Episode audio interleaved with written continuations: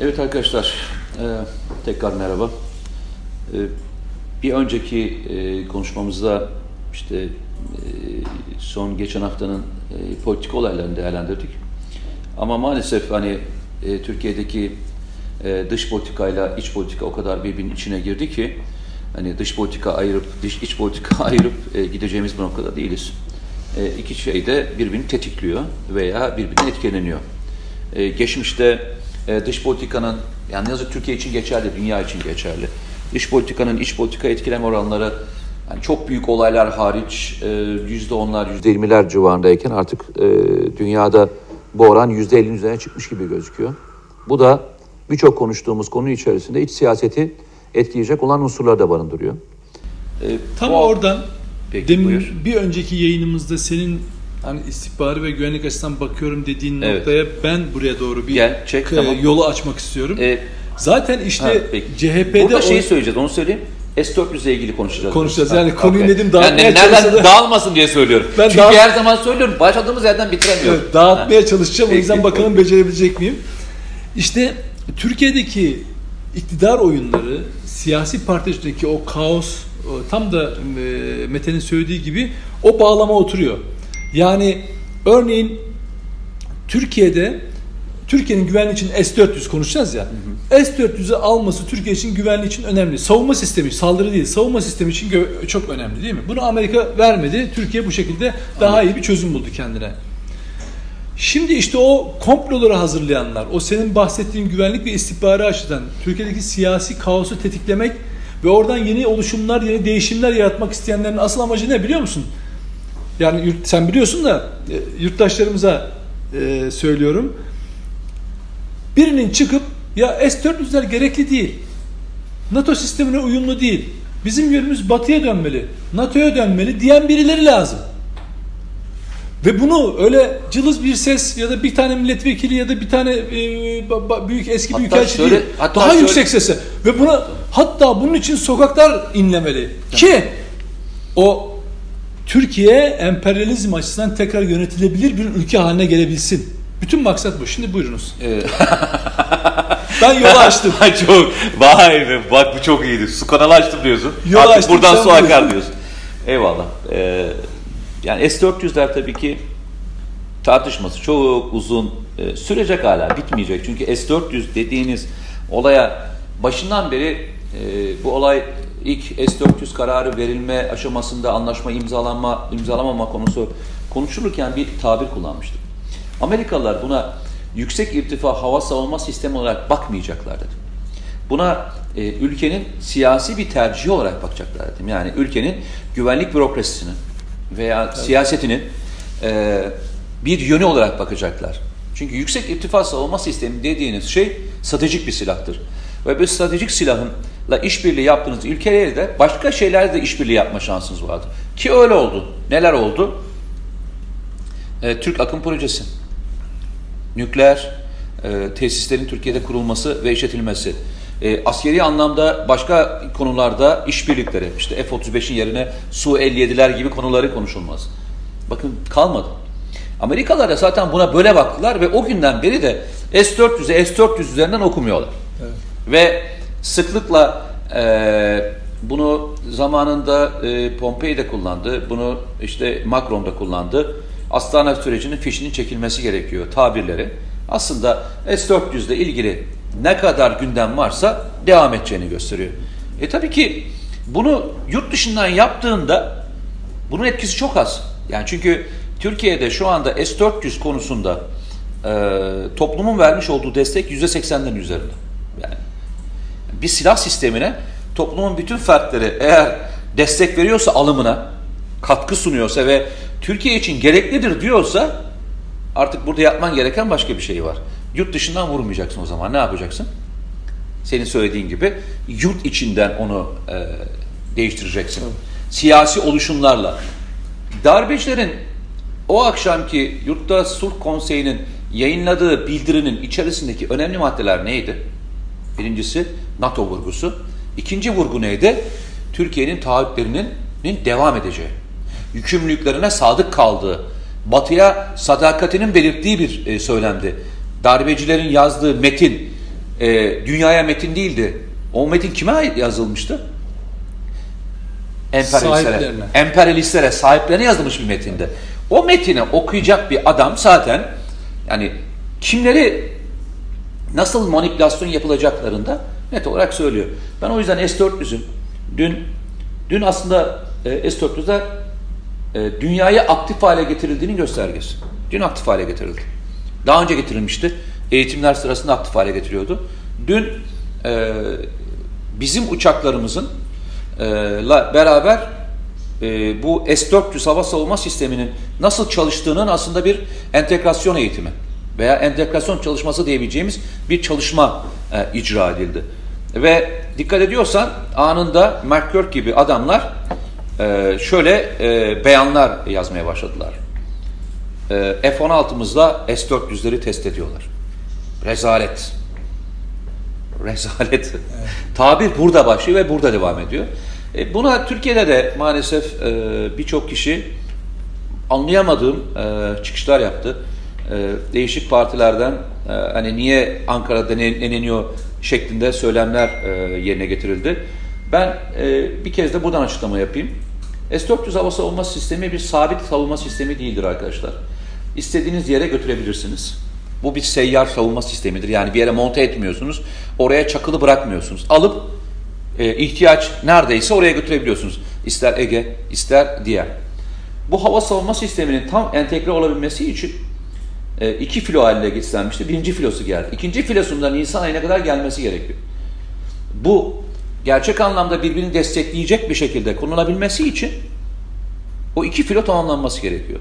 Bir de e, hava savunma sistemleri birbirini destekleyecek şekilde kullanıyor. Yani Türkiye'de yeni yapılan Hisar Ağlar, Hisar O'lar ve e, daha önce almış olduğumuz hava savunma sistemleri de birbirini entegre ederek korunabiliyorsun. Yoksa tek başına bunun Türkiye'yi korunacak diye ortaya çıkmak çok da doğru bir e, kavram değil.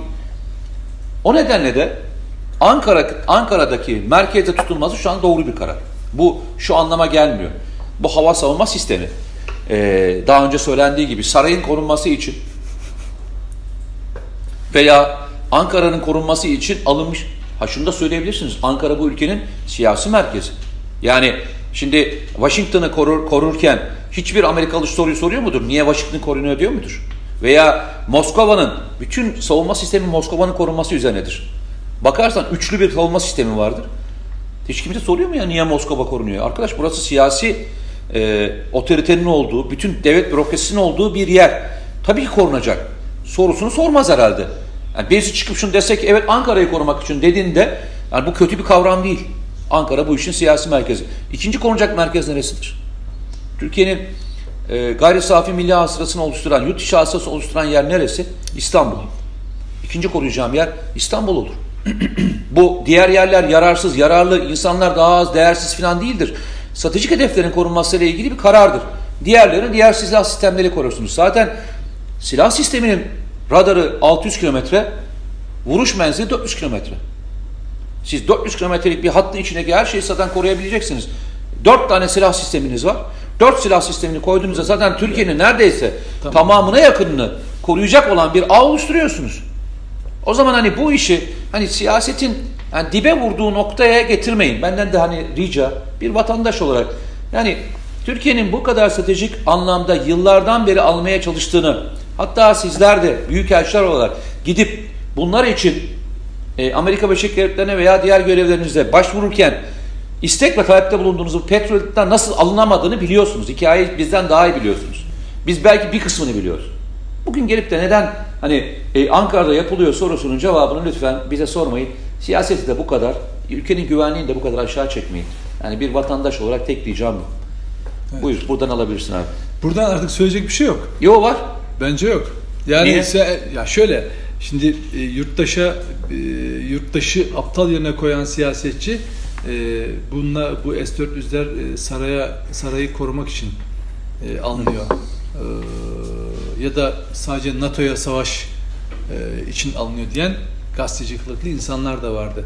Şimdi vatandaşa en çok etki edebilen güç odakları bunlar.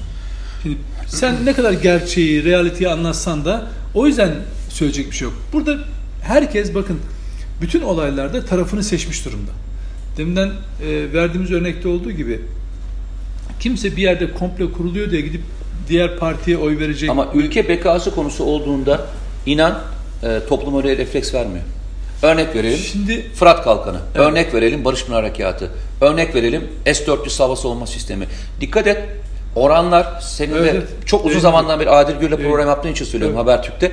Ne çıkıyor sonuçlar? Yüksek, yüksek. Yani şey e, CHP içinde bile ki CHP alınmasın diyen e, büyükelçisi vardı e, S-400'ü.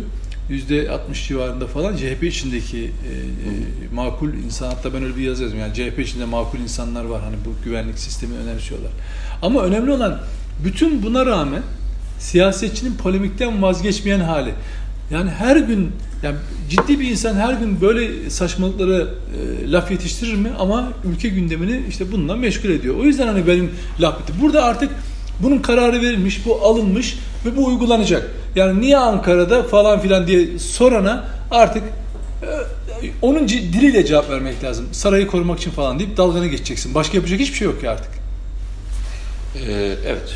Ee, senin tabirinle bitirelim. Bir, Ee, geçen hafta içerisinde benim de hani dikkatimde olan bazı konular vardı. Bunlardan bir tanesi e, işte bu e, siyasi oluşumlarla beraber yürüyen ama Türkiye'nin de bazı önemli konuların unutulduğunu söylenen e, tartışmalar vardı. Yani neydi bunlar? İşte EYT tartışması, Türkiye'deki işte siyanürle intihar vakaları ve işte e, işsizlik ve diğer e, Suriyeliler konuları gibi konular. Bunlar e, sence gerçekten unutuldu mu? Yani Ya- hepsi yani bu bunu tartışırken toplum hani ya bir dakika ya e, bunları tartışıyorsunuz ama ben aç olmaktan vazgeçtim mi dedi veya işsiz aramak Evet. isteyen adam o gün için e, o gün iş aramaktan vaz mı geçti? Yani mesela bu, bu- şu, bu- bunlar zaten Türkiye'nin köklü sorunları. Gündem meselesi. Yani bir mesela tarım fiyatlarının, gıda fiyatlarının e, belli bir makuliyet içinde olması, işsizliğin düşürülmesi, ekonominin büyümesi bunlar ülkenin yapısal sorunları zaten. Hep böyle ve derinleştiği ve daha hafiflediği zamanlar oluyor. Bizim hani şöyle bir itirazı oluyor insanların. Kendileriyle ilgili sorunları da konuşulmasını hiç istemedikleri için ya bunlara odaklanalım. Tamam odaklanalım o zaman. Peki o zaman yapıcı önerilerini sunun, yapıcı e, yaklaşımlarınızı bulun da biz bu, şekilde tartışalım. Ekonomiyi, işsizliği, EYT'yi hepsini. Ama şöyle yapıyorsunuz. E, devlete maliyetinin ne olduğunu bilmediğiniz hesap konusunda nasıl olsa bir sorumluluğunuz yok. Diyorsunuz ki bunu ben çözeceğim. Çözeceğim dediğin yere gel otur. Çözmeyeceğini hepimiz biliyoruz. Mesela bu YÖK gibi. Her iktidar, her parti YÖK'ü kaldıracağını vaat etmiştir 12 Eylül'den beri. Her gelende yani buna istisnasız sağdan soldan bütün hükümetler YÖK'ü korumuşlardır yani. Bu onun gibi bir şey. Çözebileceğin sorunlar var, çözemeyeceğin sorunlar var. Bunlar bunlar ortadan kaldırmıyor.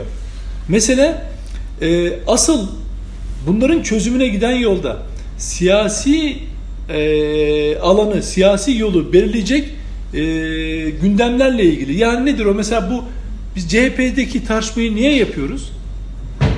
Bahsettiğimiz bütün sorunlara eğer alternatif bir parti olarak çözüm üretecekse hangi yöntemlerle yapacak bunu? Bunu kendi iç dinamiklerine, ulusal duruşuna göre mi yapacak? Yoksa mesela bakıyorsun borçlanarak mı yapacak? Ülkeyi bir tekrar bir yere mi götürecek? Hani bunlar çok temel tercihler. Dolayısıyla onlar da bundan daha önemsiz konular değil. Onları önemsiz kılmıyor bu tartışmalarımız. Yani ama onların belirleyicisi, çözüme gidecek, götürecek yol. Değil mi ki iktidar? Mesela AKP'nin başında kimin olduğu önemli değil mi? Çok önemli. Karar verici mekanizmada. Ama peki CHP'nin içindeki tartışmaya niye girmiyorsunuz? Çünkü o da bir alternatif. Ben hep şunu söylüyorum. Ya Türkiye'de bir iktidar değişimi olduğunda olası parti bu. Bu partinin izleyeceği politikalar önemli. O yüzden herkes Rahmi Turan'ın yazısının e, işte o kumpas boyutuyla ilgileniyor. Ben de diyorum ki içeriğine bakın lütfen. İçeriğinde diyor ki o kişi her kimse e, sözde bir CHP'liye diyor ki Cumhurbaşkanı e, işte CHP Türkiye için tehlikeli bir parti haline geldi. Senin bu partinin başına geçmen lazım. Ben de seni desteklemeye hazırım. Asıl ana fikri, bu yazın ana fikri yani ne, nerede, nasıl falan diye bir şey var. Hani 5 ne 1 k'yı biliyoruz. Bu fik- yazının ana fikri, bu yazı niye yazılmış diye sorduğun zaman görüyorsun ki CHP'nin politikalarında e, yönelik bir tartışma var. O tartışma işte HDP ile yakınlaşma veya diğer e, uluslararası ilişkileri ne baktığın zaman Türkiye'nin tehlikeli olduğuna dair bir, bir fikir var. Bu fikir nereden dillendiriliyor? Genelde Cumhurbaşkanlığı tarafından dillendiriliyor ve işte güvenlik sorunu falan filan diye ha bak bir CHP'li de tam bunu söylemiş. Yani bizim izlediğimiz politikaları birileri yönlendirmeye çalışıyor diye bir izlenim yaratmaya çalışıyorlar. Bu da şunu söylüyor aslında bize. CHP'nin içinde bu politikalarla ilgili bir çatışma var, bir tartışma var. Yani Türkiye'nin e, temel sorunları mesela Kürt açılımı dedikleri konu bak hani işsizlik konusunda diğer konularda hangi alternatifleri üretiyorlar da biz onu e, duy, du, duymazdan geliyoruz ya da tartışıyoruz. Yani mesela ben diyorum ki Türkiye'de sosyalizmi getirebilirsiniz ama iki şeyle uğraşamazsınız. Birisi taksi plakası sahipleri, iki hal mafya, hal, hal e, kabzı malları. Çünkü bunlar hangi iktidar döneminde olursa olsunlar mutlaka kendi varlıklarını korurlar. Yani absürt bir şey söylüyorum. Türkiye'ye sosyalizmi getirirsiniz ama kabzı mallarla ve taksi plakalı ağlarıyla uğraşamazsınız. Onlar inanılmaz bir güç lobisidir. Mesela bunlarla ilgili çözüm öneriniz var mı? Mesela belediye şimdi CHP değil mi? Bu taksi plakaların sayıları niye artmıyor? Daha, daha çok taksi niye olmuyor mesela? Ya da taksi plakasını kullanması zorunlu olanlar plakanın sahipleriyken neden şoför kiralıyorlar? Adamlar yattığı yerden para kazanıyorlar. Şarkıcısı, mankeni, osu, busu, avukatı, doktoru niye plaka sahibi olabiliyor yasa hakkı, yasal hakkı olmadığı halde? Çünkü bir plaka geçimini sağlamak amacıyla bir kişiye ait oluyor ve o aracı da kendisi kullanmak zorunda yasal olarak. Niye böyle oluyor? Mesela bunu, ben bilmiyordum. Böyle 1986 tarihli yasaya göre bir kişi geçimi sağlamak amacıyla bir plaka sahibi olabilir ve Taksi de sadece kendisi kullanabilir. Abi, bunu Tabii bu yani. yasal zorunluluktur. Birinci maddesidir. Aa, çok ilginç. Ee, ve ben bunu yıllar önce çok uğraşmışımdır plaka ağlarıyla. Ve ben bunu çözülmesi gereken bir sorun olarak görüyorum. Önümüzdeki hafta bununla mı uğraşacağız şimdi? Sen burada da söyledin bunu. Haydi. Ama, çok, ama ben bunu e, televizyonlarda Uberciler beni çok e, şey yaptılar. Bu anlamda desteklediler. Plakacılar da çok yüklendiler ama ben plakayla 20-25 yıldan beri uğraşıyorum. Yani çünkü görüyorum Tabii benim seninle gezmem çok tehlikeli. Tabii bir, ben sana söyleyeyim. Bir rant, mesela bu plakada inanılmaz bir rant var. İnsanların değişik açıklamaları var bu konuda. O zaman kendiniz çalışın kardeşim. Tutuyorsunuz gündüzcü, gececi diye adamlar çalışıyorsunuz. Sigortasını da bile yapmıyorsunuz bazen. Vergi ne kadar e, kazancınızı ne kadar vergilendiği belli değil. Bir götürü usulde bir vergi veriyorsunuz. Ve dolayısıyla mesela bu çözülmesi gereken bir sorun. Verin plaka insanlara. Ya da arabayı şu anda kim kullanıyorsa fiilen plakayı ona geçirin. Yani bu da absürt bir öneri. Böyle bir şey olmaz da hani tehlikeli e, bulunur. Ama plaka kanunu yani o taksi plakası uygulamayla ilgili kanuna uyulmasını sağlayın. Mesela çözümü böyle getirin. Mesela ya da pazarlarda dün haberleri dinliyorum. Rekabet kurulu araştırıyor. 80 kuruş 50 kuruş arası olan mandalina fiyatı 4,5 lira İstanbul'da pazarda. Nasıl oluyor da 4 4-5 e, kat fiyat farkı oluyor. Mesela bunlarla uğraşalım. Gelin işsizlik konusunda mesela ben diyorum ki e, nereye gitsek seninle gittik işte Anadolu'ya garson Afgan e, çay getiren arkadaş Türkmen yani niye Türk yok? Hep her yerde İstanbul'da bile her yerde Türkmenler, Afganlar, işte e, Oğuz boylarından gelen bütün e, insanlarımız Ermeniler. hepsi var. Hepsi çalışıyorlar. Ee, şeyler, Gerekçe Afrika'dan şu, gelenler işveren kesimi onları sigortasız ve ucuz çalıştırabildiği için Türkiye'de resmi asgari ücreti bile ödemek istemediğinden dolayı onlara yöneliyorlar. Gelin bunu konuşalım mesela. Yani o yabancıların ka gayri kanuni çalıştığı yerlerde gelin efendim şey e, Türkler çalışsın ama yasal haklarıyla çalışsın. Buna var mısınız? Bunu bununla uğraşabilir misiniz? Bakın İstanbul yönetimi şimdi siz de mesela. Ben şöyle söyleyeyim. Ee, işte çok gözmenin en güzel faydadan bir tanesi o. Ee, şöyle bir şey zannediyorsanız yanılıyorsunuz. Yani Türkiye'deki gündemi e, şey belirlemiyor. E, televizyonlar ve medya belirlemiyor. Yalnızca onlar e, o günü konuşuyorlar. Evet. Ama bir de gerçek halkın konuştuğu konu var. İşte sabahleyin evden çıkarken çocuğuna vereceği harçlık, EYT'linin iş bulamamasından dolayı 50 küsür yaşına gelmiş adamın e, çektiği sıkıntı, işte ne diyeyim senin söylediğin e, diğer e, yaşanan gerçeklik. O gerçeklikten kimsenin kopması mümkün değil. Hiç kimse de kendi yokluğunu başkasının bir yokluğu üzerinden e, askıya almıyor. Yani Türkiye'de gündem arkadaşlar gerçekten değişmiyor. Medyanın gündemi değişiyor. Yoksa gerçek halkın gündemi hiç değişmiyor. Eğer öyle olmuş olsaydı e, siyaset Hollywood filmleri çekerdi. Evet. Siyaset Hollywood filmleri çekerdi ve o çektiği filmlerle de e, ne kazanırdı? E, işte iktidara gelirdi. Doğru mu? Yok öyle bir şey. Halkın kendi senaryosu onun için oynadığı en büyük rol.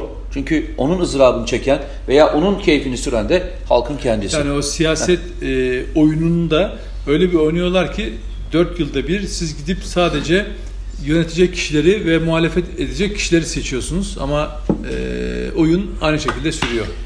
E, derdimiz derdimiz. Zaten konuştuğumuz konuların her biri de e, bu dertlerle ilgili. E, ben geçen hafta içerisinde unuttum onu da e, hatırlatayım diye e, söyleme gereği hissettim. Uzman çavuşlarla ilgili e, onların günü vardı. Unuttum. Geçmiş olan uzman çavuşların o günde kutluyorum. Arkadaşlar Türkiye'de maalesef bir yanlış inanış var. Bazen bunu da üstüne düşe düşe gidiyoruz.